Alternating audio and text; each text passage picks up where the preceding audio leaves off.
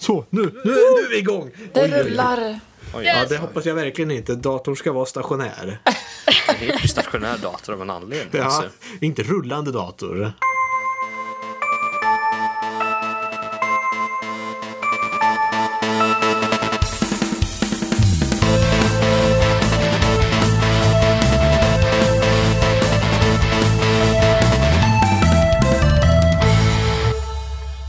Välkomna till Nördliv, en podcast om spel och nörderi. Inte om jag vet om det är våran tagg längre, men jag säger det ändå för det går på gammal vana. Det här är avsnitt 137 och dagens datum är 2017, 20 eh, oktober och idag så har vi med oss Simon, Louise och Sara. Hej på er! Hallå! Hallå! Hallå? Yay! Eh, idag ska vi tala lite i Spelefokus om Shadow of War, lite Metroid Samus Return. Sen på nyheter så får vi höra om EAs senaste våldande. Eh, även om lite Xbox-nyheter.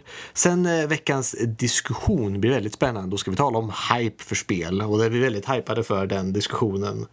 Eh, sen så kommer vi lite en halloween-studie vi kommer ta upp i övriga nördämnen och sen lite lyssnarfrågor på det och det blir hela paketet. Men då så, då, nu, nu, nu, nu är vi ju här igen. Nu var det ett tag sedan jag var värd, men det gör ju bara att man har mer energi för grejer, så ni får hålla i mig om jag spinner iväg för mycket. Det är ju egentligen jag som ska hålla ordning på er, men ibland så kan det bli tvärtom. Mm. Eh, vi hoppar direkt in i vårt första lilla roliga segment och det är spel i fokus. Och eh, då ska vi få höra lite från Simon. Hej Simon! Jag har inte talat med dig jättemycket men nu ska vi få ta lite Shadow of War. Kan du, kan du berätta lite vad det är för något? Det är ju en uppföljare på uh, första spelet med, vad var det? Um, nu är jag jättedålig på det här. Uh, Sagan om ringen? Sagan om ringen och sen är det, vad fan heter det? Shadow Mordor? Tror jag. Ja, jo, men det låter bekant. Låter bekant, jag är jätteduktig Ja. på det här, märks. Um, nej, de har fixat en hel del, mer story, väldigt coolt. Um, ja, suttit och spelat med brorsan har jag gjort, så han suttit och kollat på. Jaha, jag tänkte säga är det co-op i det, men endast backseat gaming då? Ja, då. Han, han väljer vilka uh, liksom skills och så man väljer. Ja. Och sen är det jag som springer runt och mördar orker. Mm. Så långt in i spelet är vi inte ännu, men uh, det är roligt. Riktigt roligt. ja, första intrycket är bra ändå känner du? Ja, det känns väldigt mycket. Det känns som första spelet fast med mer helt enkelt. Ja, mer och lite bättre, lite små Ja. improvements här och där. De har liksom fixat mer av det här nemesis-systemet som de hade i första spelet. Så att du kan ha egna, eh, en egen armé och attackera liksom borgfästningar och så vidare. kan du göra. Okej. Till skillnad från första spelet som jag inte riktigt, riktigt minns för det är typ över ett år sedan jag spelade. Så. Ja, men hur, när, när släppte, kommer du ens ihåg, nu säger vi svåra frågor, så här, när släpptes föregående spel? Jag tror det var två år sedan, antingen två eller ett år sedan. Kanske till och med tre Okej. år Ja, sedan. men då, har det, då har det gått ganska fort ändå för dem att fått ut en sequel. Man brukar säga det att typ två år är en bra liksom, Nu. Eh, och hålla sig. För då har man hunnit, tillräckligt många har hunnit spela första spelet och faktiskt blivit rekommenderat. För att jag har ju jag har inte spelat första Shadow of eh, Mordor ändå för att eh, eh, jag har det på min Steam-bibliotek som många har men jag har aldrig installerat spelet. Men köpte det på en rea och tänker att det här ska, säger folk är bra, det ska jag spela någon gång. Alltså det är riktigt roligt det här. Det är inget tvivel om saken utan det är bara att det är lite grindy är det och vad jag har hört så senare i det här spelet, eh, Shadow War, så kommer det vara så svårt att man kommer behöva köpa microtransactions och så vidare. Usch och fy. Jag har Det inte kommit så långt in i spelet än, har jag inte gjort. Och jag har inte behövt köpa några former av microtrans microtransactions so far, helt enkelt. Okej, ja, men du, är- du, du är en sann gamer där. Det är väl de här filthy casuals som får eh, eh, behöva betala in. Det är möjligt. Um, något som jag hörde väldigt tidigt var det att uh, in-game uh, valutan då skulle vara jättesvår att hitta. Men det Okej. är väldigt många av skillsen som är den gör så att du får dem lättare helt enkelt. Ah, Okej, så att det beroende på hur duktig du är på att spela så kan du få mer liksom... Det verkar som det. Där. Och sen finns det vissa armors och så som ger en skill som uh, ger mer av det här. Det finns två olika valutor vad jag vet hittills. Mm. Varav en är du får i spelet, en som du kan köpa med riktiga pengar. Ja. Och sen är det eh, typ bara helt enkelt level. Vissa är baserade på level och så vidare. Ah, Okej, ja. Eh, så mycket är det jag vet hittills. Jag har inte kommit så långt in i spelet. Jag har typ lyckats ta mina första kaptener. Har jag gjort. Eh, Mm, ja. Det är väl 20 tror jag. Så, så långt in i spelet är jag inte ännu. En, en, en, en liten bit på vägen, ett litet, litet intryck i alla fall. Men du känner att eh, du vill köra mer på det, att det här är bra grejer som första? Ja då, självklart. Eh, sen hjälper det också att man får lite tid med sina syskon, sitter och spelar med. Så. här. Sällskapsspel är alltid bra spel. Det där orkar är alltid bra spel. Ja, Ja. det är det. Eh, Fredrik snackade ju lite om det förra avsnittet och det var lite luddigt så här men det är ju för han ska ju komma ut med sin recension eh, inom de närmsta dagarna. Så, Ja. eh, Ja, är den inte redan ute när du hör den här podcasten så, så är den eh, alldeles strax på väg i alla fall. det, det är kul att höra er båda, bådas intryck för att jag gillade första spelet väldigt, väldigt mycket. Eh, jag tyckte det var lite mörkt bara, men det, det är jag. Mörkt som i ton eller mörkt som i ljus? I ton. Det, det är Okej. väl mest jag som... Jag är typ halvt blind ibland liksom så att... eh, ja. Det är När, när har spelet är lite mörkt. till, är det? Vad sa du?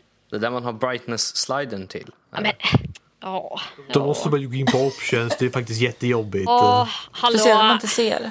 Ja, vi hittar väl inte Det Precis. Åh, nej, Eh, usch. Jag får sitta med en lupp helt enkelt. Liksom. Mm. Nej, men eh, det är i alla fall kul att höra vad folk tycker om, om, eh, om Ja. uppföljaren. För att det, Alltså, spelet är riktigt roligt.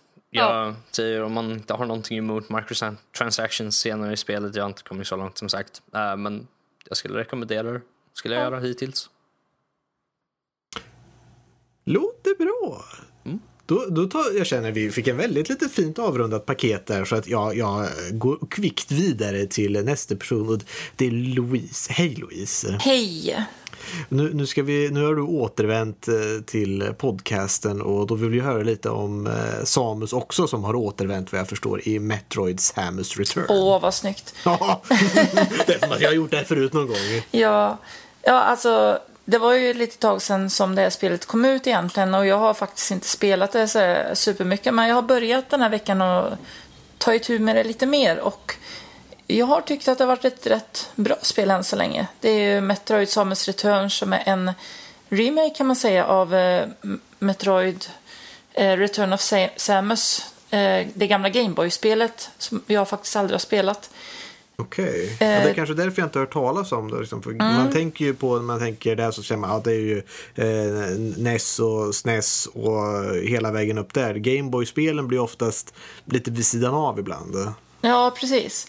Ehm, Det är ett eh, spanskt företag, eh, Mercury Steam, som har tillsammans med Nintendo tagit hand om den här remaken och de har ju lagt till väldigt mycket.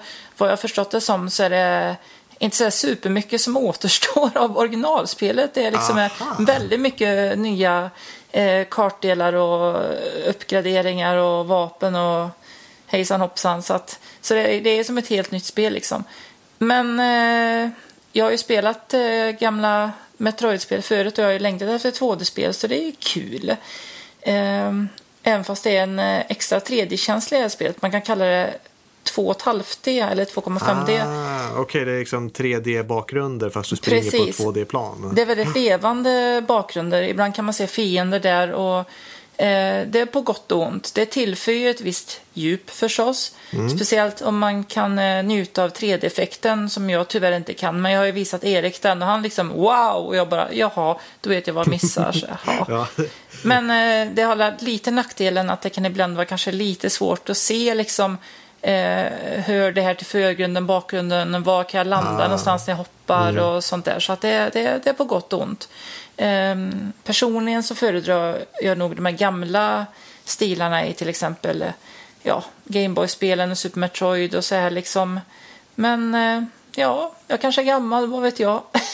Ja, men det har ju sin lilla artstil, liksom den här retrokänslan egentligen. Det har ju blivit sin egen lilla stil och det är ju det är lite mer minimalistiskt men det är också klarare och som sagt mer liksom dragna gränser på vad som är vad vilket gör det ju mer tydligt för en spelare att veta vad man faktiskt ska agera mot. För lite av spelkänslan är ju faktiskt att veta vad som är farligt, vad ska man skjuta på, vad ska man undvika. Så att det är klart att blir det svårare att se det, då, då, då tappar man ju lite av den klara känslan. Precis. Eh, nej, men jag tycker att det är skön styrning. Man kan till exempel stå stilla och, och skjuta i 360 graders riktning nu, så är liksom runt vart man Ah. vill. Och eh, de har ju verkligen gjort så att mycket ska underlätta. Till exempel man har en eh, ny förmåga som visar om det finns några hemligheter gömda i området. Ah, man behöver inte springa runt som en helt tok och bara gissa sig fram. Nej, fast det är också på gott och ont. För det var nästan lite charmen med de gamla Metroid-spelen. Det är liksom att eh, nu har jag liksom eh, väldigt mycket uppgraderingar. Nu kan jag liksom ta mig en runda och leta hemligheter. Till exempel med X-ray vision som i Super Metroid. så är Och det var kul att upptäcka saker. Här får man ju en hel del serverat på det sättet. Så att, ja. Det, Okej, ja. Men, eh, ja. Det är inte rätt vanligt nu för tiden att eh, man jämför det med gamla retrospel. Att nu för tiden får man så himla mycket serverat. Eh, och det är ju lite synd att se det i ett spel som faktiskt har varit ett gammalt Gameboy-spel. Eh, att, Mm. att det liksom, eh, ja, nej men vi har förfinat det men vi har också gjort det lite, lite enklare. Eller kanske mycket enklare. Och det, jag vet inte, det kanske Metroid är väl lite känd för att uh, ha varit lite sådär svårt Ja. och utmanande. Ehm, Ja, speciellt det här spelet eh, antar jag, för det kom ju till en väldigt liten skärm då, Gameboy.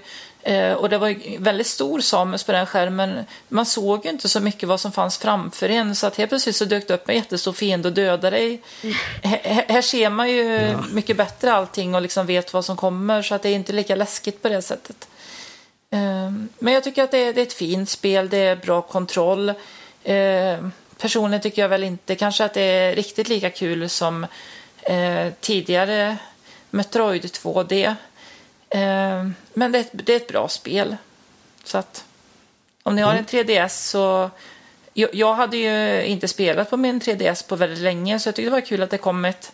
För mig känns det som ett sista spel till 3DS. Eh, sen kommer det ju naturligtvis nya spel till 3DS fortfarande men just för mig så har jag inte spelat på länge så det var kul att jag, blir spela med den. ju, jag blir ju mer och mer eh, sugen på att skaffa en 3DS nu liksom. Eh, Ja, Mm. Ja, du, nu kan du säkert få någon ganska billigt också. Ja, Och man behöver ja. inte ha den här nya New 3DS utan det här funkar lika bra på de gamla och även på 2DS som den heter. Ja. Ja, nej, men det är lite spännande att höra. Så det, har man en 3DS så eh, finns det en liten god anledning att kanske plocka upp den igen och ge sig på ett eh, sista spel här. Eh, Jag vet inte hur länge de kommer hålla på att göra spel till 3DS, för att det, det, men de går fortfarande i ganska bra takt tror jag. Ja, där är ju några som speciellt i... Uh,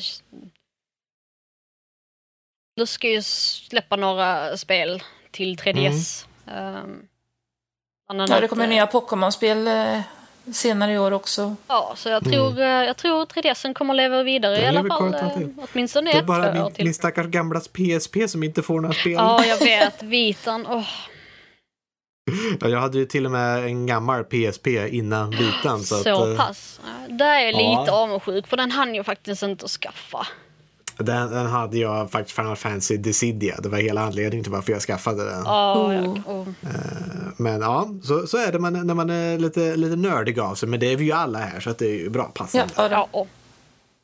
Då, då, är vi, då är vi klara med spel i fokus och vi är ju nästan på rekordtid här. Jag tänkte att vi ska hoppa över till lite nyheter och toppnyheten är ju egentligen idag att vi har varit med på Filmtoppen.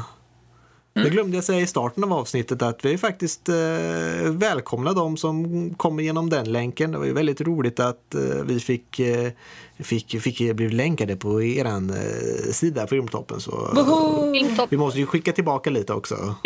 Säga att gå till filmtopp.se. filmtoppen.se. Nej, filmtopp.se. Filmtopp.se Ja, till och med. ja. Titta där, hon kan. Ja, vi blev... eh, Vi, eh, vår lilla podd fick eh, ett fokus helt enkelt för veckan. Eh, Så det är jättekul. Hela Det- världens blickar riktades mot oss. Ja, Ja, precis, Ja, jag, precis. jag tyckte det var lite fint att få lite strålkastarljus så här i höstmörkret liksom. Ja. Eh, Så Ja. tack så jättemycket Filmtopp. Och jag värme också. Åh Ja. ja, värme. Åh, Ja, nu blev det kallt här inne fast det blev Åh. varmt inombords. åh, nej usch. Eh, mera mer gaminginriktade nyheter är ju att Visceral Games blir nedstängda av EA. Och då tänker ni, vilka är Visceral Games? De där har jag hört förut. De gjorde saker som bland annat Dead Space-serien och eh, vad var det mer? Nu har jag glömt bort det. Battlefield. Hardline. Precis, den delen har de gjort också. Så att eh, de har gjort lite saker ändå och de har ju nu jobbat på ett eh, Star Wars-inspirerat spel sedan 2013 om jag inte missminner mig. Och eh, nu kände de att det var lite dags att byta riktning. De hade tydligen skapat ett spel som var väldigt storybaserat och linjärt. Men nu kände de att nej, vi ska nog gå lite mer open world på det hela. Och nu sa EA att nej, nu är det slut. Nu får ni inte hålla på med det längre. Eh, och de som tog, tar över nu deras Visual Games-projekt är ju eh, nu ska vi se, det är EA Worldwide Studio som kommer ta över det. Och eh, det är, jag tror det kommer vara ett team från EA Vancouver som kommer ta det. Nu har inte jag jättebra koll på vilka eh, vad just det innebär, vad de har gjort för spel, just de studiosarna direkt. Men det är ju- det är ju lite EA, stycka upp lite gamla företag och ta över spelen och skicka vidare. Det har ju hänt förut tyvärr, men vi får se lite vad det blir av Visceral Games. Det är lite synd att ha jobbat på något spel sedan 2013 och sen så säga att nu, att nej, nu är det slut. Iväg med er. Vad var det vi kallade EA förut i försnacket? Evil asses. Ja, precis, precis. Ja, nej alltså. Det är det. Dead Space 3, det kommer väl säkert inte någon Dead Space 4 så de... eh, Nej, de håller nog i den, liksom, den eh, titeln, men eh, vi får se om det blir någonting av det. Det känns ju faktiskt som att serien eh, i princip är död och borde dö visserligen för Dead Space Ja. 3 var ju lite sisådär.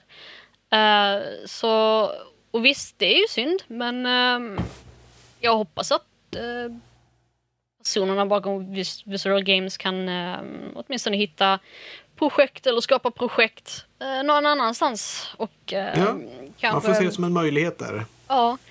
Eh, inte så förvånad som sagt att det har uh, dödats av eh, EA och styckats upp likt Isaac Mm. gjorde med eh, alla necromorphs i Dead Ja, Space. precis. Jag tänkte säga Eh, Necrons tänkte jag säga, men Ja. det är väl lite mer cross. eh, Så ja, mm. synd men... Ja, synd, men ja, det är lite, så kan det vara. Jag vet att de, EA var ju på, vad hette de? Jag, eh, nyligen så införskaffade jag det här Project Cars 2, det här bilspelet, för att jag ville testa det i VR. Och med ratt och sånt där. Inte för att jag har kommit till egentligen gjort det än. Men jag vet att jag köpte in det och fick höra då att eh, EA hade försökt göra samma sak med dem. Att de Ja. utvecklade Project Cars 2 på något sätt. eh, Och sen så när de, när de, när de skulle liksom börja släppa det eller något så sa EA att nej, eh, nu får ni sluta lämna över alla grejer och gå härifrån ungefär och försökte stjäla deras teknologi också. Eh. Men de hade tydligen varit rätt smarta när de hade skrivit på kontraktet så de fick med sig sina grejer i alla fall så att EA kunde inte stjäla deras spel utan de kunde, jag tror det gick till Bandai Namco. Eh, Ja, precis. Och fick ju utvecklat, eh, de fick släppta av dem istället. Så att, Ja, ja, det, ja, så kan det gå. det är väl lite bitterljuva nyheter så att säga. Men eh, Ja. jag kan ju tycka så här att eh, att liksom komma loss från EA kan ju vara rätt skönt. Det är ju lite synd att Ja, behöva precis. hitta nya ställen men eh, ja, jag är väl eh, jag har ju snackat om EA för kanske och inte kanske favoritfanet av, just eh, Mm. det företaget. De släpper jättebra spel och så, men det... Ja, det, det Kanske inte drivs är på den ett roligaste visst... arbetsplatsen man vill Nej, jobba men i hela livet. Det drivs ju på ett visst sätt. Så att, eh, Ja. och, och det, de går väl efter de titlarna som, är, som eh, genererar mest pengar och tyvärr så kanske vissa studios får uh, lida av det. Star Wars är ju en väldigt stor franchise. Är ju. Ja, men nu är ju Mm. Bioware som eh, fixa st- eh, Star Wars-spelen ju så att Ja, kanske de ja. inte, alltså, då De enda jag Star Wars-spelen vad jag vet som har kommit ut under de senaste åren är Star Wars Battlefront. Ja, Ja, Battlefront 2 fick väl en väldigt god mottagning nu. Den har inte kommit ut än. Kommer ut 15 nästa månad. ja, jag har redan sett betan beta. på den så jag Ja. känner att den har redan kommit Betan ut var nästan. otroligt rolig var den, måste jag säga. Men Och det är väl alltså, kanske det. Att, rent eh, generellt, Star Wars-spel brukar göra väldigt bra ifrån sig om inte jag minns helt Ja. fel. Det är möjligt att de kan känna att ja, men nu med nya Star Wars-trailer och alltihopa och Battlefront 2 ser ut att gå riktigt bra. Då kanske de känner att ja, de här Visual Games som har hållit på med det här att nu, nu ska vi höja upp det här, att vi tar det här själva. Det, det här kan bli ett stort Star Wars-spel. Lägg mer fokus på det. Kasta bort de här som jobbar på det och vi tar in det till oss. Sen kan det ju vara också så, att de kanske, spelen kanske liknade varandra. Eh, eh, kanske Mm. lite för mycket. Och, De kanske varit Ja. lite för nära Bioware här ja, Ja, Med tanke på möjligt. att det är väl rykten om att de håller på att göra en reboot av Knights of the Old Republic. Ah, okej. Jag för mig. Och det ska väl vara lite mer open world om jag inte missminner mig. jag, jag, Precis, tror, Som sagt, rykten. Jag är inte säker på något ja, av men det jag, där. jag tror det här är också ett, ett strategiskt eh, en grej av EA också. Att, eh, och att jag menar Bioware, det, de gör ju väldigt fina spel. De gör ju både single player och eh, MMOs om de nu ska eh, hålla på med det också. Eh, kanske blev lite kaka på kaka att eh, Visual Games också skulle hålla på med ett Star Wars-spel som ja, var lite mer open world, så att säga. Så att, eh, Bland eh, Nintendo-fans ligger ju inte EA så det är jättehögt i kurs för de släpper ju väldigt få spel så att säga. Jag känner väl till, det gäller ett basketspel som kom nu eller ska komma till, ja men det har kommit till Switch.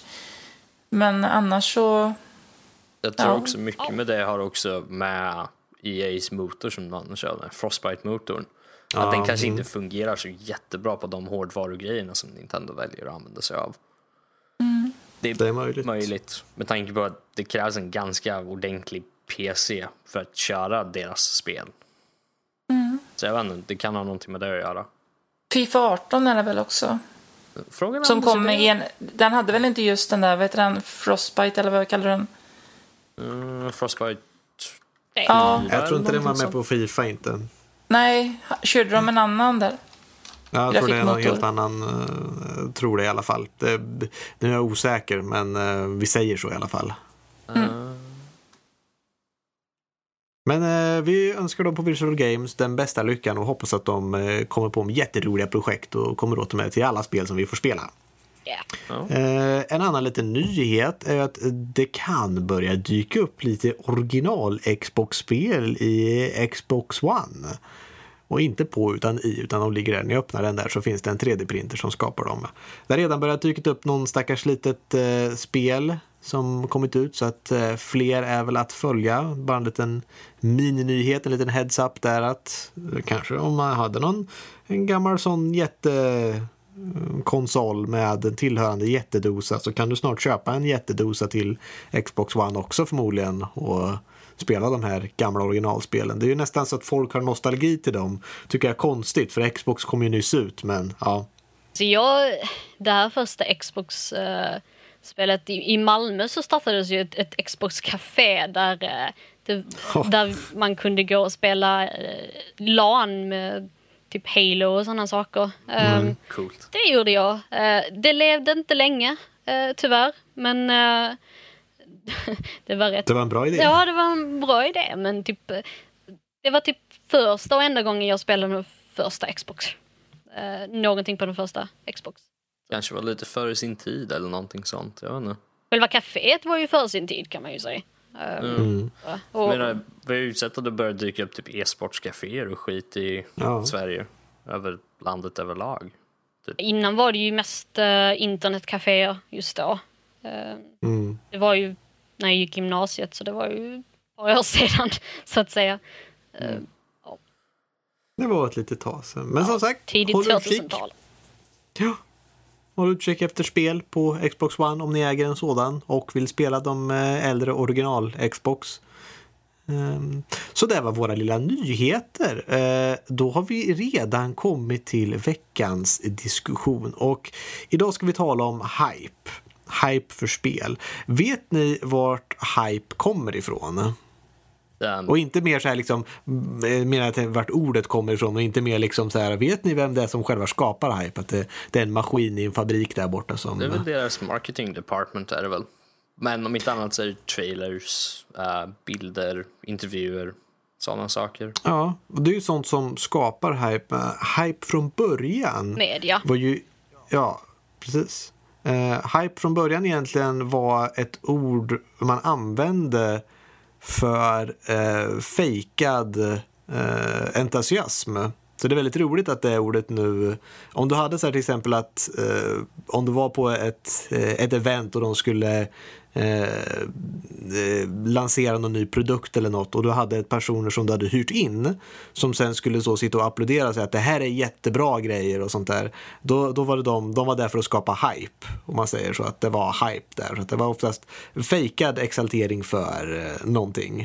Så det är väldigt roligt att det betyder något annat idag, för idag är det ju liksom vad vanligt folk tycker att om man skapar ju något för att väcka intresse mer. Så att det är kul att just den här fejkade delen som det var från början kommer liksom ha gått över till riktigt nu. Så det är en liten, liten, så här, eh, liten eh, visdomskaka som jag håller på ibland. och Ja, men jag älskar sådana liksom bakgrunder till hur, eh, var ord kommer ifrån och sånt där. Får jag bara göra en liten rättelse för mig själv? Ja. Om det är okej så är det live. Så slipper jag göra det en annan gång sen. Att jag sa det här basketspelet, jag trodde det var EA som låg bakom det, men det är tydligen ett företag Visual Concepts. Har aldrig hört talas om. Nej, och utgivaren är 2K. Ah. Ja, Ja, ja. 2K känner jag till. Ja. Så att det var det. Men Då fotboll, korrekt. Fifa 18 det är EA. Ja, de Ah, håller ju ja, den ja. starkt. Men det var skönt att få ur sig det liksom. Ja, varsågod. Ja. Så. Ja, då, då är vi tillbaka till hypen. Yes. Jag tycker ändå, Och- om, om vi ska snacka om hype, eh, jag tycker fortfarande att det är fejkad entusiasm egentligen. Oh ja, Eh, oh ja. Speciellt från media och från eh, publishers och utvecklare.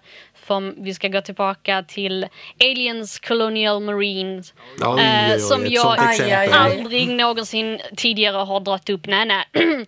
Eh, för det är ju ett tydligt exempel på hur ehm, de hypade det och de typ så här visade oh så här snyggt är det och det här är vi så Mhm. oh wow typ det kommer att vara så sitter man där och spelar och inte ens en 3 gigabytes patch kan rädda spelet. We were so wrong. Ja, alltså ja, ja, jag hade ju liksom förbeställt det i Collectors edition och sånt så att eh, ja. Nej, det, Ja. det Ja, men Det, det kan, så kan det sluta ibland med hype. Ja. Och det, det som jag känner hype är till för i marknadsföringssyfte idag är ju verkligen just för att få folk att tycka om, man vill ju bygga hype som man säger för ett spel. Och säga att det här kommer bli så jäkla bra. Men man får ju passa sig lite där för att är det så att spelet inte lever upp till hypen, man kan hypa någonting för mycket. Och då har man ju förutfattade förväntningar. Eh, och är det så att det eh, inte stämmer mot dem, du kanske har ett bra spel men du trodde att det skulle vara världens bästa spel. Då, då kan du bli besviken på ett bra spel. Och det är lite synd för det skulle ju kunna vara ett spel som man egentligen skulle tycka om och kanske lära sig liksom, tycka om ännu mer. Men att just att hypen var så stor att man verkligen släppte det helt och tänkte att nej, det är skitspel ja. Jag, jag försöker ju hålla tillbaka hypen just för att inte bli så Mm. här besviken. Men ibland så blir det allt lite hype ändå. Som nu till exempel Ja. Super Mario Odyssey. När det visades upp först, då kanske jag kände ja men det är kul med ett nytt Mario 3D. Men liksom jag, ja vi får se. Så, här liksom, så var det inte mycket mer med det. Men- nu Mhm. senaste månaderna när de har visat eh, massor med häftiga banor och liksom massa funktioner så oj, jag längtar jättemycket till det. Så här, liksom. Mm. Jag känner igen det så väl. Varje gång jag ser någonting om eh, Final Fantasy till exempel. Ja. Nu det är ju på väg ett spel, eh, det här uh, Decidia. Mm. eh, kommer ju komma ut på Playstation 4. Eh, Och de, de har ju något eh, arkad, Final Fantasy Decidia NT. Det har funnits på arkadspel, det är tre mot tre fightingspel i öppen liksom, 3D-värld. Lite om någon har kört Naruto, Ultimate Ninja Storm fighting-spelen så eh, det är typ liknande som så, du kör tre mot tre. Eh, fast alla är ute och slåss samtidigt så är det kaos. Men till exempel att de visar Sephiroth för mig som jag liksom ser det då tänker jag, då sitter jag och studsar i stolen och hypen går i taket verkligen. Så här, det här spelet måste jag ha oavsett om det är på japanska eller inte och, och sådär. Så att det det, det, det blir man ju lite, men då, det, det överkommer ju lite också för de hade Sephiroth i spelet så att det, liksom, det kan inte vara dåligt. Oavsett hur dåligt spelet är så kan det inte vara dåligt. Ja, Det är inte så att du gillar Sephiroth? Jo, Hjärtat jag slår har ju lite på en extra. stor eh, tapet bredvid mig här så att Eh, det, det är svårt att inte vara exalterad när man ser uh, Sephiroth liksom. Det, jag menar, jag ser hellre honom än Cloud så att säga liksom. Det, ja, jo, jo. ja, de finns nog båda med är jag rädd för. Så ja, att, men Sephiroth liksom. Det, ja det, det är svårt att det- även om hans svärd inte fungerar i Ja. verkligheten vilket jag är ja, otroligt ja, bekymrad Ja, över. jo det är ju sant. Det, ja. Gör Clouds det verkligen då? Nej, Nej. det gör det faktiskt inte heller. Men Clouds är mer... Nu eh, kommer det in på så här djup eh, fanlore här, men nu är vi inne på det här spåret. Eh, Clouds svärd är otroligt tungt. Jag har ju sett folk som gör det här svärdet. Problemet är att de kan knappt lyfta det. Ja. Grejen är med Sephiroths svärd att den går ju att lyfta, men den wobblar så jäkligt mycket för att den är så tunn och är så lång. Så att det, det, ser, det, ser, det ser inte så häftigt och kraftigt ut som när Sephiroth har det. Jag menar, det, ja. ja. Det var, det var lite, lite ett sidospår där. Tillbaka till hypen. Uh, jag lever ju som sagt upp hypen ganska mycket när det kommer till fightingspel och karaktärer som jag tycker är häftigt. Och det, men då har man ju liksom en personlig relation till det. Uh, och den hypen bygger man ju upp själv. Det behövs inte mycket. Det behövs en liten trailer bara som säger att ah, här är vårt nya spel och man sitter och skriker det Åh, vad häftigt det här kommer bli! Det här kommer bli bästa spelet någonsin! Det behöver inte eh, median göra speciellt mycket. Eh, sen finns det ju då när, eh, ja, när PR-bolag och alltihopa ska in och mm, göra de trailers eller eh, stunts eller vad, vad galna saker de hittar på. Det känns som att gaming har haft ganska udda lite grejer. Vilka var det? Var det för Dantes Inferno de hade en liten fejkad protest utanför typ E3 när det skulle visas eller något? Det vet jag Är inte. det, är det bara jag som kommer ihåg? Jag kommer inte ihåg om det var Dantes Inferno eller något, men det var något sånt där att typ, när du är lite demoniskt spel och de skulle ha några så att kyrkan skulle protestera mot det så de hade hyrt in folk med protesteringsskyltar som skulle stå utanför. Ja, eh, det minns jag inte. Men jag minns ju att eh, jag tror Blizzard gjorde eh, typ så här målningar på, på gatorna och sånt. Liksom, gjorde typ stora hål i marken. Jag kan ha fel om det också men jag minns Okej. att jag vill. Och sen så hade de ju, eh, de visade ju fans som typ växte ut sitt skägg. eh, eh, Okej. eh, f- tills Diablo 3 släpptes och sådana saker. Att, Ah. eh, Blizzard brukar ju göra stora grejer men de har ju Men sin Blizzard egen, eh, de har ju sin egen, alltså de har ju Blizzcon också som kommer Ja. snart i, i november tror jag. Eh, Så att de brukar ju hypa sina spel rätt mycket. De gjorde ju ett väldigt intressant eh, med eh, för att hypa nya karaktärer i Overwatch. Jag vet till exempel när eh, Sombra kom ut och hon är ju en hacker. Och det vart ju en jäkla massa liv. Liksom. Jag som inte ens spelat spelet jättemycket vart ju intresserad av att följa de här personerna som då försökte hitta den här hackern då genom att liksom söka liksom konstiga Twitter-grejer till konstiga webbadresser och få ut wave-filer av ljud och göra liksom eh, analyser på det för att få ut en bild av det ljudvågorna, hur det skulle se ut för att få något meddelande och skicka tillbaka över Twitter. Och det var eh, en jäkla jakt på det där. sån Och det var hype- lite häftigt. Sån hype tycker jag är bra som engagerar liksom eh, ja, folk som är intresserade av, av, produkten som kommer att släppas. Liksom i Mm. lite mer engage, engagemang än att det bara liksom kommer ut lite eh, eh, renderade trailers till exempel. eh, Ja. Som berättar om hur, hur bra spelet är. Som, men sedan liksom hur eh, kanske under eh, underskattat eller överskattat det är eh, sen. Liksom. Mm. Utan mer, jag tycker om engagemang. Ehm, Ja, men det är lite roligt när någon liksom öppnar ett, eh, ett Reddit-subforum om man säger för just att samla information och hjälpas åt att Ja. hitta ledtrådar om ett spel. Det gör ju lite, lite roligt. eh. Eh, ja, men eh, det, vad finns det mer för typer av hype? Jag, jag tänkte på typ sådana här som eh, Minecraft till exempel. Där var det ju väldigt mycket hype också för folk att liksom berätta till varandra bara. Där gjorde ju de ingen marknadsföring. Men jag vet inte om man kan man kalla det för hype runt spelet med tanke på att spelet fanns ute hela tiden. Jag vet inte om det räknas. Mm. De hade ju hype med trailers runt varje uppdatering, så här stor uppdatering hade ja. de ju. Så det är ju tekniskt sett hype. Är det? Ja. Ja, det kanske räknas med ändå. Um, om vi ska gå igenom lite mer så här, vad, vi kan ju ta några sådana här roliga exempel då, liksom, vad vi blir mest besvikna över. Jag känner att eh, en person har vi ju redan hört ifrån här. Eh, där det kommer till Alien Colonial Marines. Så att eh, Sara har ju redan besvarat. Jag är inte bitter. eh, ni andra kan ju få lite att, att tänka på så länge så kan jag nämna ett spel som jag blev väldigt besviken över på hypen. Och det var väl lite egentligen fel um, felbrandat tänkte jag säga. Och jag vet inte hur mycket hype det har att göra det men jag, jag vet inte om någon har spelat Sacred-serien.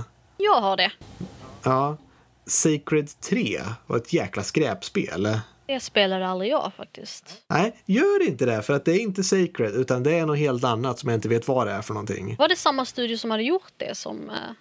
Det tvekar jag stort starkt på att det var. Det var nog något helt andra. Ja, för jag, jag, jag har spelat i mitt gigantiska Steam-bibliotek mm. uh, har jag för mig, eller någonstans. Uh, men har inte kommit så långt att spela det. Mm. Och det, ja, vi, vi, ja, det, det, är lika bra att du inte gör det. Om du vill spela Sacred så är väl trean något man ska undvika. Okej. Okay. Eh, men det, det skulle vara tycka som en Diablo-klon lite så lätt. Men det blev ju typ, det kändes mer som ett, typ ett mobilspel där du klickar bara fram och inte gör något mer. Eh, så det kan jag inte rekommendera. Men det, det var ett sånt där som var lite hypad för för att jag hade spelat Sacred 2 och tänkte ja men det var ju ett rätt häftigt spel och jag, jag känner för den typen av spel just nu. Och självklart så var Sacred 3 helt nytt så jag tänkte ja men 600 spänn, ja kör på, köper över Steam och sen nu ska vi spela och så sätter man sig ner och sen vad är det här för skit ungefär? Oh. Och då, då har man såna helt förutfattade meningar som inte går hem bara utan det som ramlar pladask. Um, ja, det var, det var ett av de sakerna som jag blev besviken på när det kommer till lite hype. Uh, Louise, har du något spel som du blev hypad för som absolut inte levde upp till det? Uh, ja, jag kan ju återknyta då till ett Metroid-spel. Det här heter ja. Metroid Adder M som kom till ah, Wii. Jag vilket det. Yeah. Ja, eh, det var ju efterlängtat för att eh, det hade gått ett tag sedan senaste Metroid så liksom och så visade upp, upp en cool trailer med ett häftigt eh, intro som tar vid där Super Metroid slutade. De hade liksom återskapat eh, den här scenen mot eh, moderhjärnan där och det var, verkar jättehäftigt. De la väl på häftig musik och man fick känslan av att mm. det här kommer bli så himla bra. Och så kom det och ja, jag tyckte att det var ett bra spel fast det var inte alls lika bra som eh, man hade hoppats på liksom. Det var... Nej. Och sen eh, skämtar de ju så mycket om det här spelet sen det här att hon säger The baby, baby. Ja, och, det, det hör man ju fortfarande ibland. Ja, och sådär så att eh, synd att hon pratade också. synd kanske att Tim Ninja fick göra spelet. Men ja. Äh, ja. Men det, det, är som sagt, det är, som du säger, nämna det, Team Ninja, det är de som gjorde Dead or Alive fighting-spel-serien. Mm. Eh, och även Ninja Gaiden, eh, de, inte de gamla NES-grejerna då, men de, de nya. Eh, att det var att de fick göra eh, Metroid-spel var ju lite otippat men det förklarar också varför det blev så väldigt annorlunda. De kanske skulle kollat lite mer på källmaterialet men de gjorde sin grej och det som säger, många säger ju också att det är inte ett dåligt spel, det är bara inte vad folk förväntade sig. Nej, precis. Och det är ju ett väldigt bra exempel på som sagt väldigt häftigt intro och sådär som verkligen inte passade in sig på själva spelet. Eh, jag tycker att idén var rätt cool annars för att man kunde ju spela hela spelet, eller man spelade spelet med bara Wii-remoten. Okej. Okay. Eh, och eh, det var ju kanske lite sisådär med styrningen då ibland när man sprang omkring eh, i lite tredjeaktigt så med ett digitalt styrkors. Men det häftiga var att sen kunde man ju rikta liksom Wii Remoten mot skärmen och då blev det ju ett eh, eh första pers persons perspektiv istället så. Okay. Så man kunde undersöka saker och skjuta missiler och så det var lite, mm. det var lite nyskapande kontroll tyckte jag. Ja, men då får ju, det är kul att de ändå jobbade kring eh, just speciella kontrollgrejen för den kom ju bara ut på Wii. Ja, precis. Ja.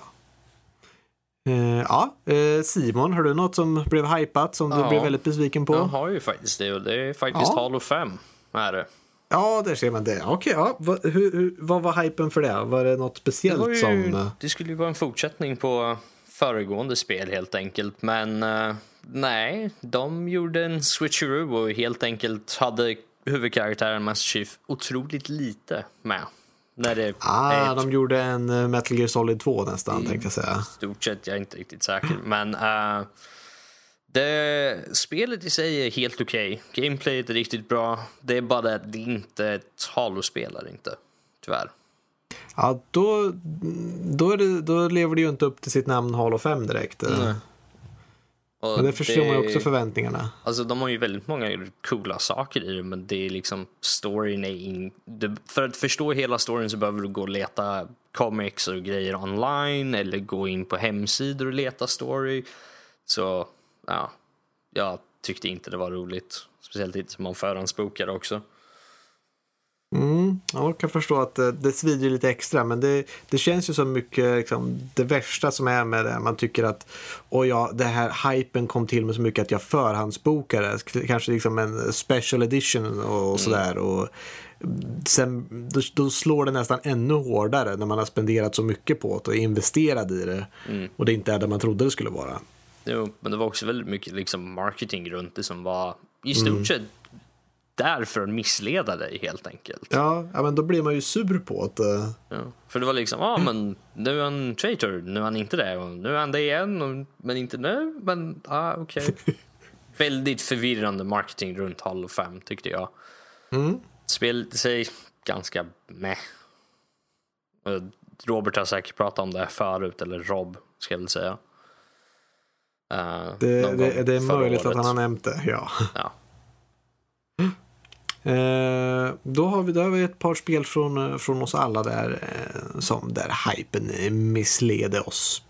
Jag kan tänka mig att det finns ju lite nytt det som kommer in. Jag vet inte om ni kollar på sånt, men jag kan ju kolla på ibland så reaction saker för folk som tittar på trailers och blir mer hypade av folket som blir hypade av det än vad det blir hypade av själva trailern. Ja, där, för att knyta tillbaka till, till Visual Games då. Eh, ja. De eh, gjorde ju en sån här reaction video till Dead Space där mammor eh, fick se gameplay av Dead Space och sedan ja, eh, skulle du låta ditt barn spela det här och de var ju helt förskräckta. eh, och det tycker jag var en jäkligt rolig, eh, bra hype helt enkelt. Ja, ja, men det är bra, det är så. Det här är, så hemskt. Ja, det, det här är så hemskt. Och jag menar, allt som inte föräldrar tycker om, det är ju klart det barnen kommer liksom köra på. Jag menar, jag vet ju hur mycket hur mycket föräldrar var emot GTA till exempel. Ja, ja, um, det... Och det var ju ändå liksom, ja ja men eh, jag går och köper det här. Uh, för att mina föräldrar har uh, inte, tycker inte om att jag spelar där. Det är ju klart att jag ska mm. sitta och spela det. Ja, det är klart. Du måste ju se varför. Det, om de, för det kan jag tycka, det är en, det är en bra hype. Om man gör, om där är, finns en liten förbjuden, um, alltså att, de, att det finns lite så här förbjudet i det, så att säga. Ja. Uh, den, så, att smaka på den förbjudna frukten. Ja, precis, ja. precis. Det är exakt det jag ville liksom få fram där. Typ, speciellt om den här äldre generationen inte riktigt förstår sig på den yngre generationen. Så... De fattar ju ingenting. Nej, nej, ingenting. Uh, men just det, jag hoppas att de där videorna fortfarande, den videosen fortfarande finns ute på Dead Space. För nu blir jag nästan sugen till att se om den. För det, det var Går tillbaka och tittar ja, på en gammal trailer. Ja, det, det var ju riktigt uh, lyckat. Ja, så kan det ju bra. Men det blir lite där på Youtubes reaktionsgrejer som kan det, det, blir som ett extra steg om man säger, när man, man ser någon annan reagera på någonting, att det, liksom, ja. det sätter lite stämning också. Oftast, Men det är, ja. oftast är det ju skräck, äh, skräckspel eller horror games.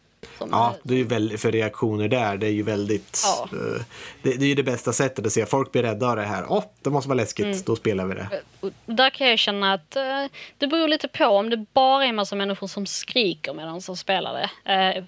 Efter varje jumpscare kan jag tycka att eh. Ja, men då, då har man ju lite, fått lite smak av vad det är för typ av skräckspel och sådär. Då kanske det inte är något för en själv. Ja. Men det är kul att se reaktioner faktiskt. Ja, det är det. det, är det. Skapa hype. Ja, eh, då ska vi se. Har vi några mer diskussioner kring hype? Jag tycker att vi har väl eh, täckt en del olika ställen. Det är svårt att säga liksom så att om hype har hype är alltid bra för liksom att bygga upp spel som sagt. Men jag vet inte. Uh, ibland när man är oförväntad liksom på spel och inte vet riktigt vad man ger sig in i så kan det vara roligt också. Men som sagt, är man hypad och det är ett bra spel då säger man för fan vad bra det här var.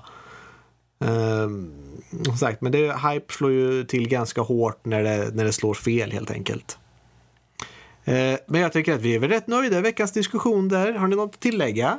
Nej, inte direkt. Nej.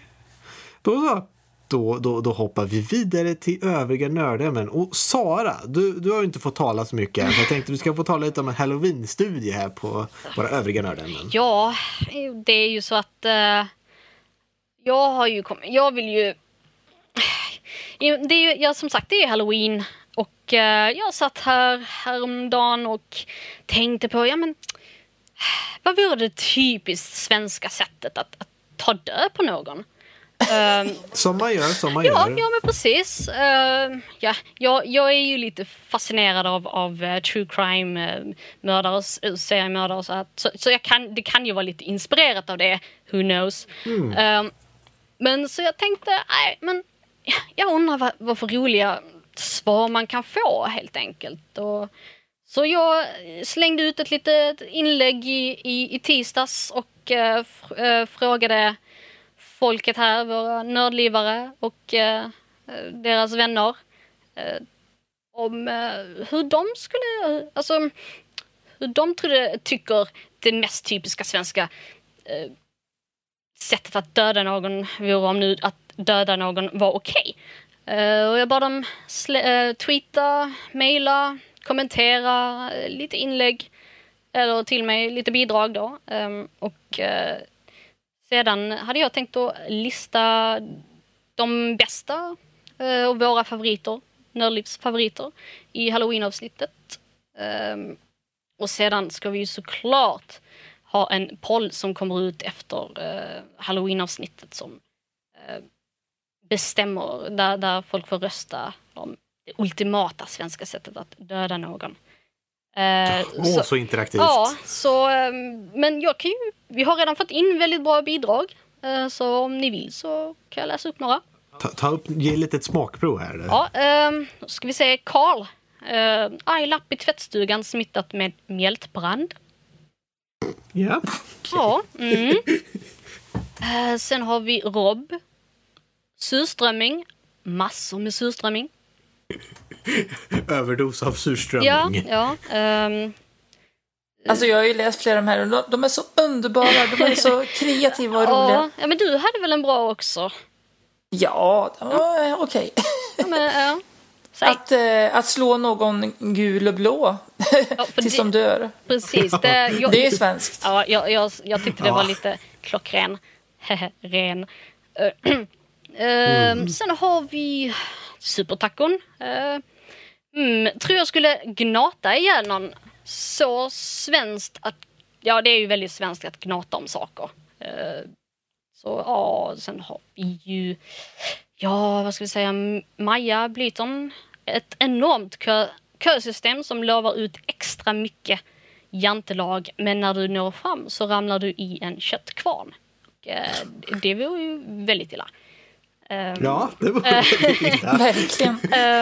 Um, Ja, eh, arga lappar verkar ju faktiskt vara eh, en, en, en toppgrej. Eh, och, och, speciellt i tvättstugan som sagt. Eh, Men det, det känns lite som en så svensk grej att faktiskt inte ta en konfrontation men jag ska skriva en väldigt En arg väldigt, lapp. Så väldigt då, arg då vet de, då vet de hur, hur illa det är. Ja, ja, alltså det finns många, många guldklimpar och eh, eh, Eh, det är bara, jag vill att fler ska komma in med bidrag så att eh, vi kan lista upp alla. Alla kommer jag ju såklart lista upp i ett eh, framtida inlägg.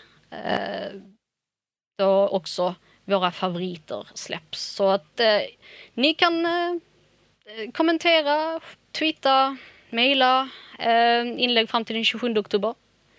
Eh, Mm. Håll ett öga på sajten så Ja. får ni se. det finns, eh, ja precis, det finns ett inlägg på sajten eh, att, att läsa om man, om man är lite mer intresserad för jag hade ju faktiskt, eh, där är ju en liten historia hade jag tänkt också. Eller Ja. ponera, jag skrev ponera att det kommer släppas en ny svensk rysare. Och det är under en grå dag, vilken årstid som helst eftersom vi, det är ju Sverige. Um, mitt under dagens fikapaus bryter regn ut i hela Sverige. Ingen misstänker att det ljumma regnet enbart är en trojansk häst för ett luftburet virus. Och på bara några sekunder blir alla i vårt avlånga land helt mordtokiga. Ehm, dock finns det en liten hake för alla oss nyblivna psykopater. Epidemin gör att vi alla anammar den svenska stereotypen och detta speglas såklart i våra mordiska handlingar. Så Ja, titta vilken Ja. background. ja, Snyggt. ja, jag tycker ja, det blir lite roligare så. Så ehm, Ja. ja. vilket vore det mest stereotypiska svenska sättet att ta död på någon? Eh, svaret får gärna ha lite eh, glimt i ögat så att säga. Vi vill ju leka med den svenska stereotypen, men vi vill ju inte heller eh, Det är så här, vi, vill, vi vill leka med den svenska stereotypen men vi vill vara lite ja, mordiska ja, också. Ja, ehm, ja, lite åtminstone. Ja. Det är ju trots allt halloween så ehm, Passande. Ja, det, det är ju klart, vi i Nördliv tycker ju inte att vi ska mörda. Det är ju inte okej att mörda folk. Men, men om det var okej, så att säga. Ehm, så, ja. Om det på något sätt går att tillämpa i något spel så är det okej förstås. Ja, ja, ja, ja. Ja, Ehm, självklart, självklart. förgifta alla din asken var det ju också många som har. Ehm, Ah. ja, och, och, och hur man liksom, ehm, lite dålig stämning kan ju också vara det kan ju vara eh, livsförödande också. Så att, eh, ja. Dålig stämning kan ta död på folk. Det, ja, det kan ta, det kan då ta död på folk. eh, Så, ja. jag, eh, jag har i alla fall kul med alla de här eh, bidragen än så länge. Och eh, Ja, men det är bra. Det är bra. twittra och mejla. Kommentera på Instagram. Vi har ju en Instagram nu ju. Så att, eh,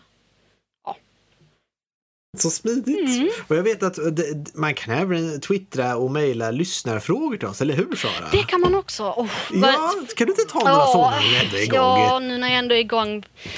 Min, min röst, alla kommer ju... Ja, min underbara röst. Okej, jo, men vi har en del lyssnarfrågor faktiskt den här veckan. Um, I och med att eh, jag skaffade en eh, Instagram eh, till uh, Nördliv som är att nordliv.se. Vilket också vår Twitter heter nu. Är att nordliv.se, så eh, den har ändrats. Ehm, men ni som givetvis redan följer oss ja, vet ju redan det. Det blir ingen skillnad där Nej, direkt. nej precis. Men ehm, gå in och följ oss på Instagram. Ehm, vi delar lite personliga grejer om, om våra egna lilla nördiga liv. Och ehm, det hade varit kul att eh, se era reaktioner på det. Ja, där kan man se folk som äter hamburgare. Precis. Du hade ju en jättefin tröja där på. Jag råkade ju klä mig i sånt fint apparel Ja, där att, eh, precis. Lite hint efter vad som kommer i framtiden kanske. Eh, I Ja. alla fall, lyssnarfrågor. Ja, eh, då Mm. har vi en, en, en lyssnarfråga från eh, Anders. Från mejlen. Hej alla! Tack för en underbar podcast. Har verkligen älskat era senaste tio avsnitt. Ni är bäst. Yay! Så här mer, mer såna här mejl. Ja, de, åh, det tycker vi jättemycket om. Eh, ja, han fortsätter. Med Nintendo Switch verkar gränserna mellan handhållet och stationär konsol suddas lite. Vad tror ni? Kommer fler tillverkare anamma detta eller är det bara Nintendo som vågat prova sånt? Mm. Ja, den där är ju lite klurig. Att Nintendo är ju rätt bra på de här eh, skumma, liksom, våga testa grejerna. Så att det är ju om de har lagt någonting liksom för det här. För att jag tänker ju, eh, nu för tiden så eh, nu, nu, nu kommer det här jobbskada. Jag jobbar ju inom IT och sånt där och det ska ju vara handhållna datorer och PDA och sånt där. Det blir ju mer och mer att liksom eh, allt som du kan göra på en bärbar dator går ner till en liten PDA och sen går det upp till en liten platta och sen stannar det där och undrar liksom att kommer nästa gamingkonsol vara en platta bara eller eh, typ som Switch som du sen bara egentligen pluggar in med en HDMI-kabel in till tvn om den är stark nog. För just nu gör ju eh, switchen får ju lite extra kraft vet jag när den sitter stationärt mm. i sitt laddställ så att den orkar med att ge lite, lite mer upp, liksom, uppskaligt till tv då. Och så mm. kanske man kan sätta den så framför ögonen som ett headset så kan man spela antingen bärbar eller på tvn eller som VR. Ja, jag tror att mycket ja. av det där kommer nog bero på hur pass smått och hur pass bra värmeutveckling de kan få på liksom, komponenterna. Tänk om de kan få en böjbar skärm. Det finns redan. Med, med böjbar så menar jag uttöjbar. Som du kan liksom eh, dra i hörnen bara så blir den större eller mindre. Så kan du ha hur stor du vill. Jag tror att jag har sett ett koncept för det för typ tre år sedan eller någonting sånt. Men jag är inte säker på om det finns än. Nej, jag är frågan på vart hårdvaran skulle sitta på den. För om skärmen går att stretcha. Jag, ing, jag tror inte komponenterna går att stretcha. ja, men det är nano och allting. Eller, ja, det är nano och organiskt sen. Så vi kommer bygga, växa våra, odla våra gamingkonsoler. Eller så är det bara en kabel som man sen drar ut så här. Man, den går till en konsol eller någon form av elektronik grej som sitter på mm. baksidan som man sen drar ut.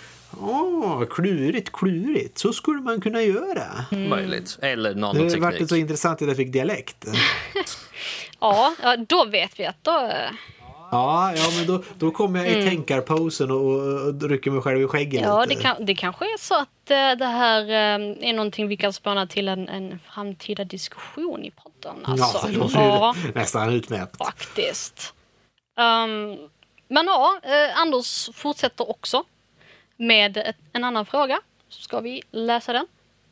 Ja. Eh, du hamnar i ett terrorattentat och valfri klassisk film slash actionhjälte slash, film slash tv actionhjälte kommer till din undsättning. Vilken fiktiv actionhjälte hjälper dig och varför?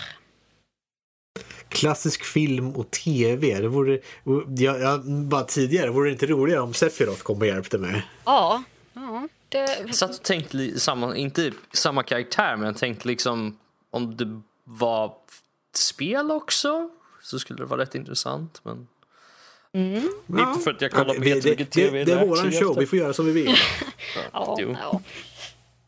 Klassisk um... film. Jag, jag vill ju personligen, eh, jag hade ju valt Ripley. Ellen Ripley. Alla dagar. Okay. Hon räddar ju ja. till och med katten Jones i Alien-filmen. Och, ja, det, och alla, alla som gör det good in my book. Så, ja, ja. Jag tänkte liksom verkligen så här att va, va, hon är väl inte så jätteaction, det är mer springa därifrån. Ja, men du har, du har rätt, du har mm -hmm, rätt. Mm. Hon räddar katten, det förklarar saken. Sen älskar jag ju Alien-filmerna. Men ja, Ellen Ripley, Jonesy teamat upp med Jonesy då alltså. Så att, uh, ja. Självklart, självklart. Jag tror att jag skulle vilja bli räddad av, det här är, det är inte en riktigt klassisk hjälte, men det är ändå en slags fiktiv figur på tv. Och det är Bullet från Gladiatorerna. Som på riktigt heter Christer Bacon för övrigt. Uh, jag tycker att hon är asgrym. Och alltid när vi brukar titta på det hemma så tänker vi oss att eh, Bullet, hon vet inte liksom att det, hon bara spelar en roll utan hon är sådär galen på riktigt. det här är blod, hon skulle kunna slita itu någon i gladiatorerna om ingen liksom håller i kopplet så att säga. Så att hon vore galet bra tror jag liksom att skydda henne och så. Ja. Är det, är det, så jag har inte sett gladiatorerna på så länge. Är det nytt som går nu eller är det liksom gammalt? Nej, Bullet har varit några år. Ja, okej. ja. Jag visste inte ens att det gick på tv fortfarande. Så att, eh, ja, det är faktiskt väldigt intressant svar för att eh, kommer det ett terrorattentat och kommer sparkar in genom en dörr och ah, springer Ja, på. men Ja, hon hon är helt de är ju tränade, vältränade och eh, klarar ju av att hoppa och ha sig och ta sig över Ja. eh, alla eh, obstacles så att säga. Så att, eh, det är ju väldigt bra Ja, alltså. förmodligen mer än vad de flesta Ja. skådespelare kan. Men ja. Hmm. Simon? Um, klassisk tv-actionhjälte. Um, ehm, MacGyver? Ah, MacGyver det är ett bra val. Det, terrorattentat också, det är faktiskt det ett av de mer klurigare bra valen tror jag att välja. För han skulle nog säkert kunna disarmera bomber eller eh, vad det nu ska Så vara. länge han har ett paperclip så är det lugnt. Ja, ja, och Ja, precis. precis. Jag, jag, när jag var liten eh, så älskade jag MacGyver. För att jag tyckte han var så lik min pappa. Vilket av någon anledning. Så att han, eh, och min pappa fanns liksom inte i mitt liv. Så, så, så MacGyver blev ju liksom min ja, version av min pappa så att säga. Typ. Ja. Eh, så, ja, även om jag just då kanske inte borde ha tittat på MacGyver. För jag var väldigt liten. eh, så, så ja. MacGyver och Lassie. Liksom. Det, Lite klurig den där. Ja, Mm. det, det, för det ultimata teamet där sen. eh, med- Från Alien och MacGyver. Tänk den duon, MacGyver och Lassie. ja, precis. Alltså, unstoppable. Ja, ja, det, ja det, det, jag, jag, jag hör ett fightingspel i mitt huvud. Men ja. Vad säger du då Max? Eh, Ja, om jag faktiskt ska välja någon klassisk liksom, film och tv-actionhjälte. Det är svårt, jag tittar inte på så jättemycket. Jag Skulle, det är ju ingen hjälteskit också. Jag, tänkte, jag, jag började nyss se på den här tv-serien Narcos. ah. Jag vet inte, från Netflix om har sett Inte typ alla de handl- bad guys. Jag tänkte säga det, att det är typ så här Pablo Escobar, men han är typ så här drogkriminell handel. Han har väl rätt bra ties. Han borde kunna ta mig ur det där. Han bara mutar allihop och sen bara går därifrån. Eller så är det han som har anordnat terrorattentatet. Jag tror inte det... Det, det är som sagt som hjälper mig och varför. Varför är ju en ganska bra fråga. Det tänkte jag inte på. Ja. Men man, för att man är deras bästa buddy. De är bara där av den anledningen. Ja, Jag har valde en Ellen för att... 50-50 procents chans att liksom ta dig ur den situationen vid liv. Tror jag. Ja, eller Om går du det bra, för ni är båda liksom kattpersoner. Ja, precis. Så. Så det är ju givet där. Liksom. Det är ju självklart. ja.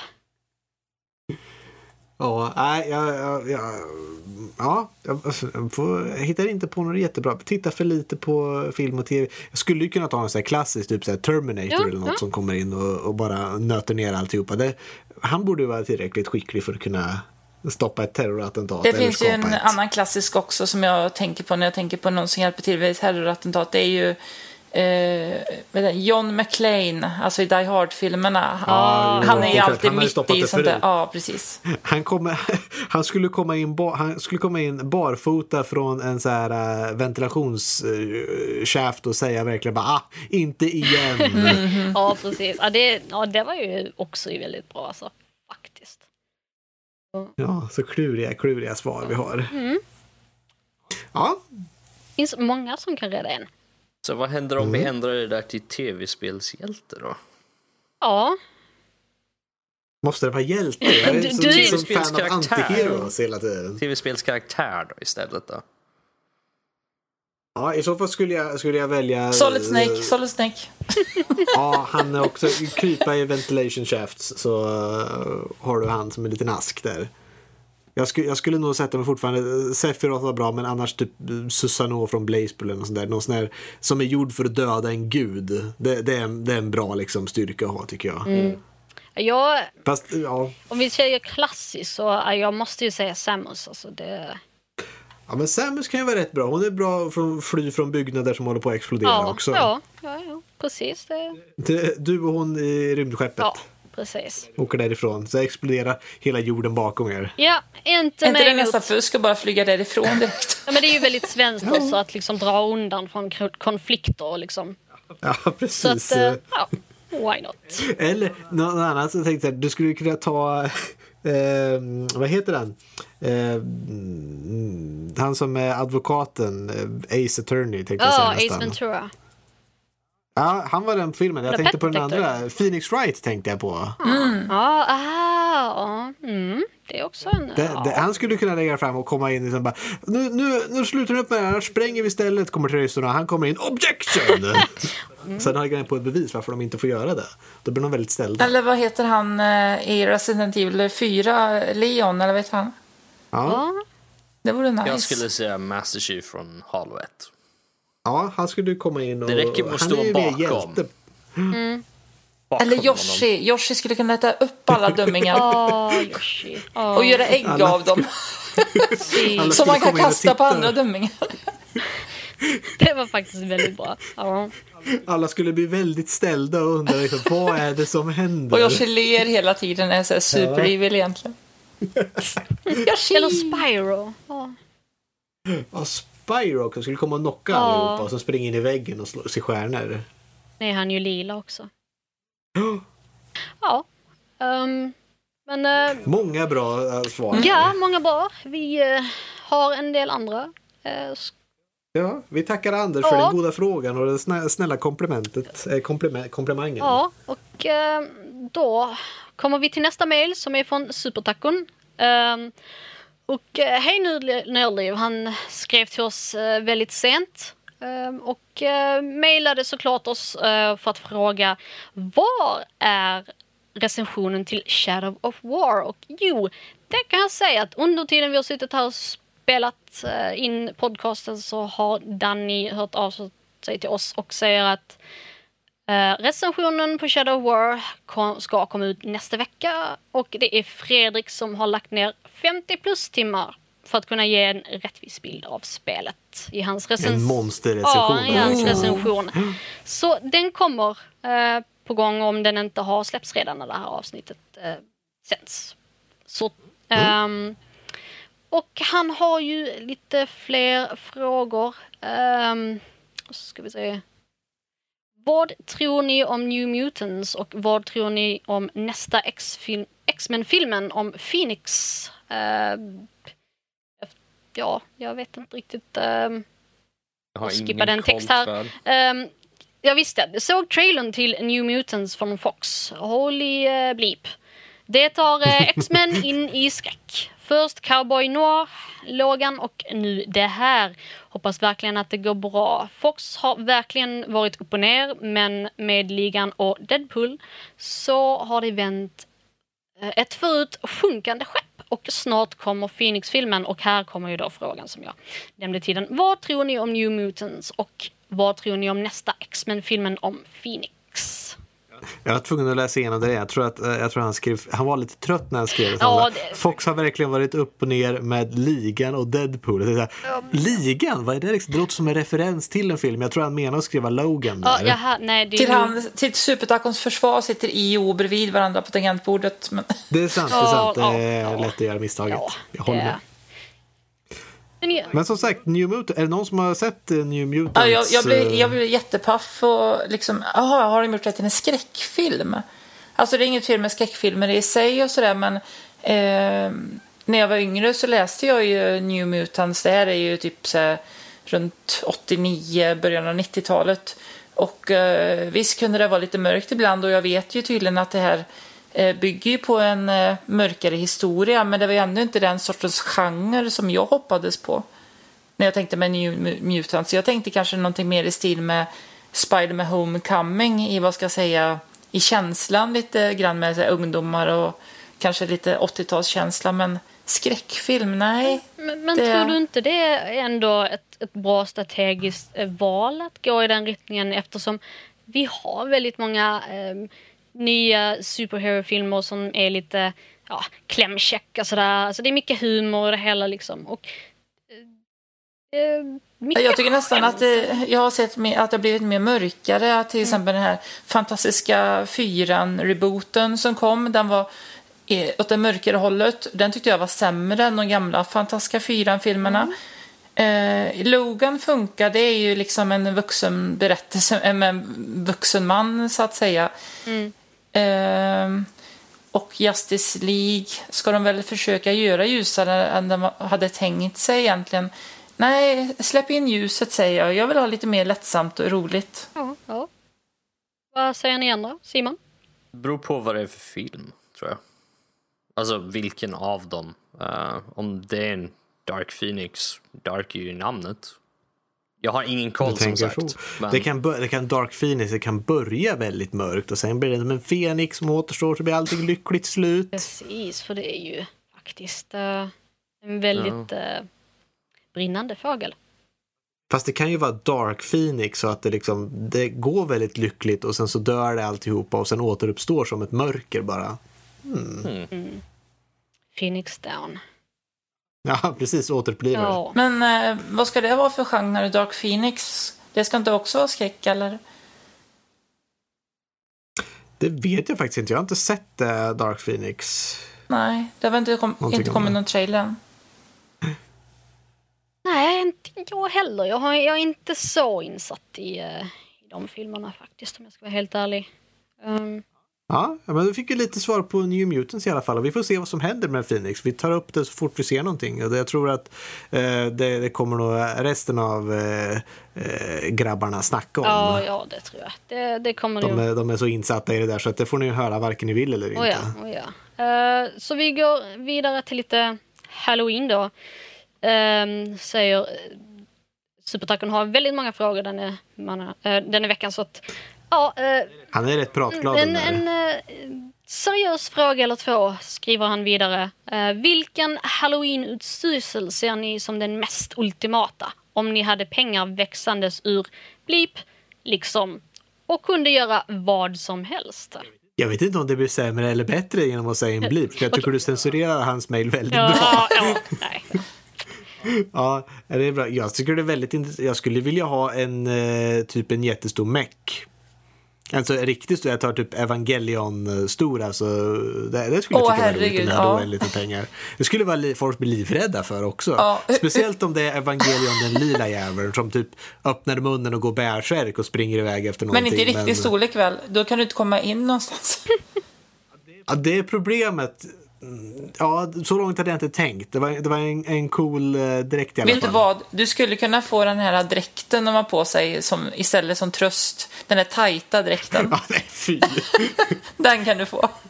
Gärna, gärna Shinjis storlek också, så lite för liten så det ser ännu färre ut. Här. Magen sticker ut lite eller något sånt. Jag tror det var något avsnitt som Shinji hade på sig Asukas dräkt. Det var sött. Ja, just ja. ja, just ja. För det var för att de var tvungna, var inte den värmeresistent eller något sånt där? Ja. Eller? Ja, jag kommer Oj, vad länge sedan jag såg det. Ja, mm. Ja, det Fullt var en bra fråga. fungerande mm. Iron Man-suit. Ja. 100 procent fungerande. Kan, är, du, är du duktig pilot då så att du kan köra den också? Så svårt kan det inte vara. Man har ju ett AI som hjälper den ju. I och för sig, i och för sig. Det är autopilot mm. bara. Det är en Iron Man-suit skapad av Tesla. jo, exakt. Stor Tesla-märke på bröstet. Så. Ja, det är den här trekantiga grejen där. Så att, eh. mm. Nej, jag skulle nog vara nöjd bara liksom ha en replika av eh, DeLorean i Tillbaka till framtiden och köra omkring i det. skulle nästan räcka ja, för mig. Ja. ja, jo. Inte en fullt fungerande då? Ja, precis. det ska helst kunna gå att köra, köra den i alla fall. Ja. Och jag, givetvis en Xenomorph Ja, den är ja. bra. Den är faktiskt mest eh, halloween-tema på. Det är ju klart. En, en gång så gick jag utklädd till Ghostface från Scream-filmerna och eh, skrämde ihjäl en av mina vänner uh, i högstadiet. Jag... Hon finns tyvärr inte längre kvar okay, no, hon, blev, hon blev så skrämd för att jag kunde pumpa blod i, i masken. Ah. Så hon bad mig ta av masken. så jag gick utan mask under kvällen. Men jag hade en, en, en, en blodig liten kniv åtminstone. Så, ja.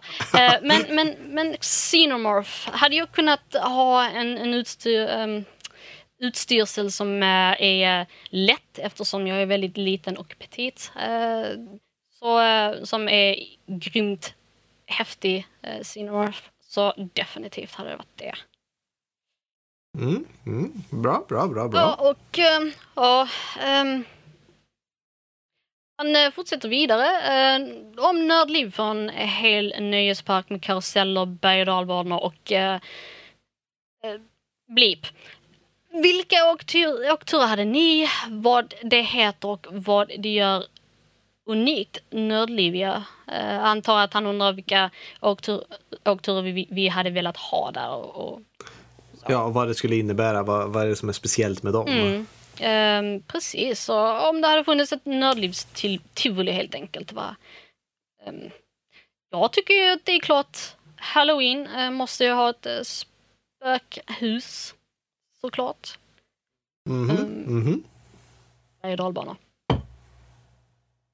Ja, jag sitter och tänker på, är inte lite nyteknologiska och ha ett VR-center också där man kan gå in och köra lite VR. Gärna, gärna sånt där som, eh, det problemet med VR HoloLens. är ju att, eh, att man måste eh, att man måste stå på samma plats och att i spelet på något sätt teleportera sig runt.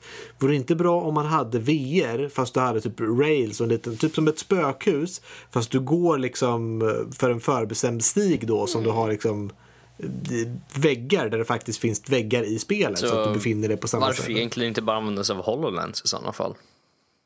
Det går det också. Jag tror det lite så här 4D att liksom man går igenom det, eh, typ en, en viss, man håller kanske ett, ett band och går igenom det. Alltså medan man ser i VR-headsetet om det liksom kommer en vindpust så ska man gå förbi eh, en fläkt eller någonting sånt här. Eller istället för VR, så här AR, augmented reality, så är det liksom spöken och... Ja, Ja, Ja. Som HoloLens. Det går Ja, ju... Ja, är det HoloLens? som gör det. Okej, är ju okej. mixed reality, eller de har ju ett nytt... Mixed reality. Ja. Jag vet inte riktigt vart jag är någonstans. Det är antingen virtual reality eller real Alternate De, reality. de, kan ha, de, de kan ha som en kamera som går ut och en som är en annan så du har varsitt öga. Ena i verkligheten, andra i VR och sen blir du jätteförvirrad. men Microsoft eller Acer har ju släppt ett nytt uh, headset som det heter mixed reality någonting. Gör det. Hmm. det typ, den har en kamera men den överlayer en så här AR typ grej men den har också Alltså, VR-element ja. i sig. Sen skulle det kunna finnas det ett- fungerar. Eh, så här, whack-a-mole fast med nördlivarna då, liksom som tittar upp så, så ska man slå dem i huvudet. Och alla säger en liten catchphrase varje gång Pre- man slår dem. precis. Kan, kan, kan vi göra ett sånt men ha Ro- Rob där bara så man Det, finns, det finns en exklusiv bredvid där som bara är Rob edition. Någon skulle borde göra ett, ett nördspel där det är Wackamole så är det Wackarob istället. Ja. Eller Wackanorsk. Mm. Ehm, eller något sånt. Ja, eh, Kanske, någon gång. Jag, jag kan säga det att eh, jag och Erik vi var på Liseberg för ett par veckor sedan. Det var i samband med att eh, det var så här nazister och sånt där i Göteborg. Och eh, Ja. det, det som fick oss mest eh, illamående det var kanske lite oväntat eh, ett virtual reality, virtual reality eh, upplevelse. Eh, man fick testa den Valkyria, den här nya berg som är på gång. ja visst ja. Man fick känna efter lite hur den skulle bli ungefär. Liksom. Och, och det gjorde oss mer illamående än någonting annat på Liseberg. Ja, Ja, men det, det kan jag tänka mig för att eh, VR ger ju en ännu mer illamående när man inte känner just vinden och saker som man förväntar sig. Det blir liksom ett, ett bryt däremellan. Men det kanske inte riktigt behövs ett tivoli att gå till utan man kan sitta hemma, hemma och typ så här, ha ett VR-headset och liksom i en chattgrupp då liksom och så nu går vi på tivoli och så men vi åker den här Ja. och så är, sitter man eller står eh, med sitt VR-headset och eh, blir riktigt, riktigt illamående. Um, Ja, se vem som håller sig ja, längst. ehm, och så kan man poppa lite popcorn om man nu vill ha liksom lite tivoli-lukten eller någonting sånt. Åk på låtsas spy på riktigt. Ja, ja. precis. Ja. Ja. Och det hade ju varit Ja, det- väldigt det- typiskt nördigt, nördigt att liksom att inte behöva gå någonstans. Att, ha, liksom, att tivolit kommer till oss istället. Mm. Ja, men det är smidigt. Det är smidigt. Det är som Nördliv med en podcast. Du, behöver inte komma till oss, vi kommer till Ja, dig. precis. Ja. Ehm, ja, då eh, tackar vi Supertacon för eh, de här eh, frågorna. Uh, jag har Ja. också lite frågor från Twitter eh, faktiskt som jag tänkte ta upp nu när vi Yes. Eh, lite snabbt så här. Nilla, a.k.a. Lady Black Shield, på, Twitter, på Twitter frågade två frågor och den första lyder så här. Vilken ser Nördliv fram emot mest och varför av Tor Ragnarök, Black Panther, Justice League och New Mutants? Tor Ragnarök för min del. Ja, jag håller nog med. Ja, Mm. samma här. ja, En vecka dit. Tor och Black Panther för min del, men eh, tror Tor, eh, ja, mer, lite mer. Det, ja. Ja, ja, men det känns lite som att man, man vet nästan vad man får sig i. Den har, visst, det kanske är mer av samma, men det, det är lite så här att ja, men det är det som slog igenom den typen av liksom, eh, superhero-film som finns nu. Så att jag tror, just den tror jag är, mis- är, är det säkraste kortet just nu. Visst, folk- folk kan tröttna på den, men jag, jag säger jag tror att jag vet lite vad man får. Lite humor och lite superhjältegrejer. Ja, eh, Och lite Tom Hiddleston.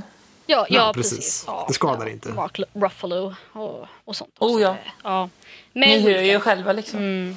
Ja. Ja, nej, det, det, det, det båda bara success så att säga. I alla fall, hon eh, tweetade också en annan gång till oss eh, och, fråg, och sa så här. Hej Nördliv! Vintern är på gång med det här och eh, vintern är på ingång och eh, det är himla tungt på december-releaser.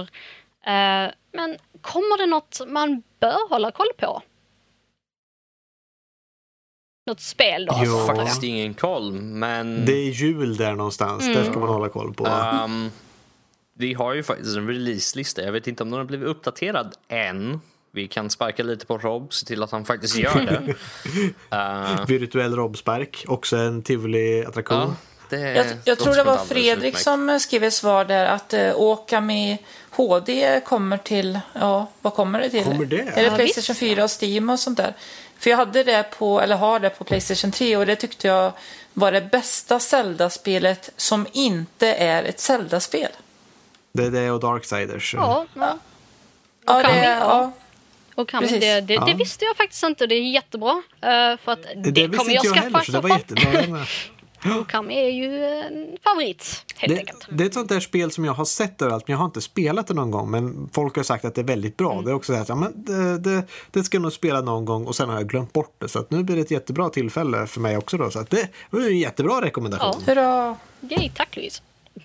Eh, men jag tror också att december, det brukar inte vara så mycket re- releaser på, i december eftersom det, det är svårt att lansera ett, ett nytt spel i december helt enkelt. För att Ja, fokusen är någon helt i annan. oktober, november. Brukar väl komma Mm. det mesta. Ja, ja, precis. Eller typ mars, april. Ja, jag menar... Jullistorna är redan klara. eh, Så, ja.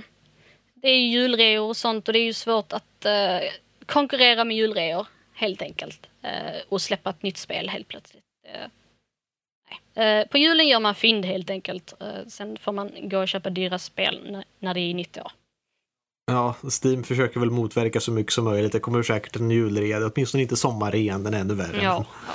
ja. Sen har vi en sista fråga eh, från Twitter Ja. av Bonbon. Ett bonbon understreck SR. Ni som skriver om spel, sitter på PC men vill ha ett bra plattformsspel. Förslag? Frågetecken. Hmm. Simon, har du något bra förslag? Det är tyvärr inte min genre av spel, men... ehm, Plattformsspel, alltså det, om man, det beror på om man är verkligen tvungen. Man, man skulle kunna ha en emulator, men då, då äger man ju självklart spelen på riktigt för att kunna mm. Självklart. sån. Speciellt de här äh, riktigt okända spelen. Ja, precis. De äger man ju. Speciellt de som kostar också flera, flera tusen. Men ja. Eh, vad är bra? Finns, jag tänker jag tänker om det kommer något nytt. Det kommer ju så få plattformsspel. Eh, vad, Cuphead, vad, kom det ut på PC? Och det, jag tror det ju. inte. Ja. Ja, jag, det känns... jag kan ju föreslå uh, Ori and the Blind Forest för det kommer väl en, en, en uppföljare Ja. snart. Ehm, Cuphead finns på Steam. Okej. Mm. Eh, för att jag är inte heller så himla mycket för, för plattform. Men Ori and the Blind Forest är ju väldigt fint. Eh, det finns ju limbo, men det, det finns ju risk att man har spelat det redan till exempel.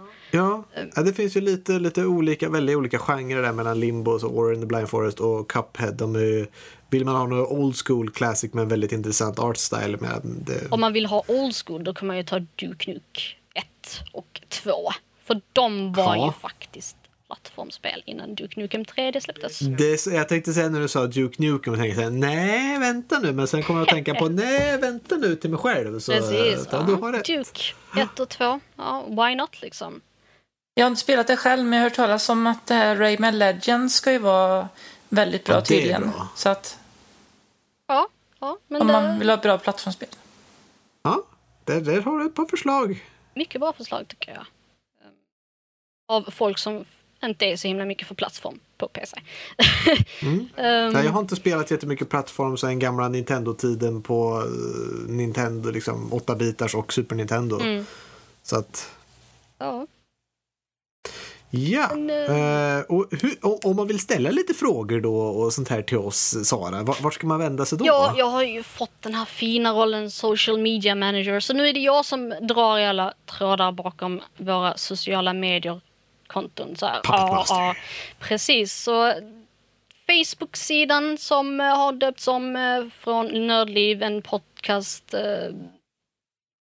med, Om ja, spel och nörderi. glömde bort vår tagg liksom. Den Eh, ligger som ja. en reflex för att liksom introducera Eh, avsnittet Den, den på. så heter att- nu kort och koncist Nördliv. Ehm, eh, och vi har som sagt Instagram, uh, Nordliv SE. Twittern, Nordliv SE. Eh, och eh, sen har vi Discorden. Eh, vi har en Discord-server till exempel. Um, joina gärna oss där helt enkelt. Jag tror att från hemsidan så hittar man alla dessa länkar. Exakt. Det är Yes. bara att surfa in på nordliv, eller nördliv.se eller nordlivpodcast.se om man vill gå den vanliga gamla vägen. Så att säga. Mm, precis. Det finns alltså massor av ställen där ni kan stalka oss. Ja, och Ja. Eh, mejlen är ju som vanligt info att nordliv.se. Eh, nordlivpodcast.se. Ja, Den stannar kvar i alla fall. fint.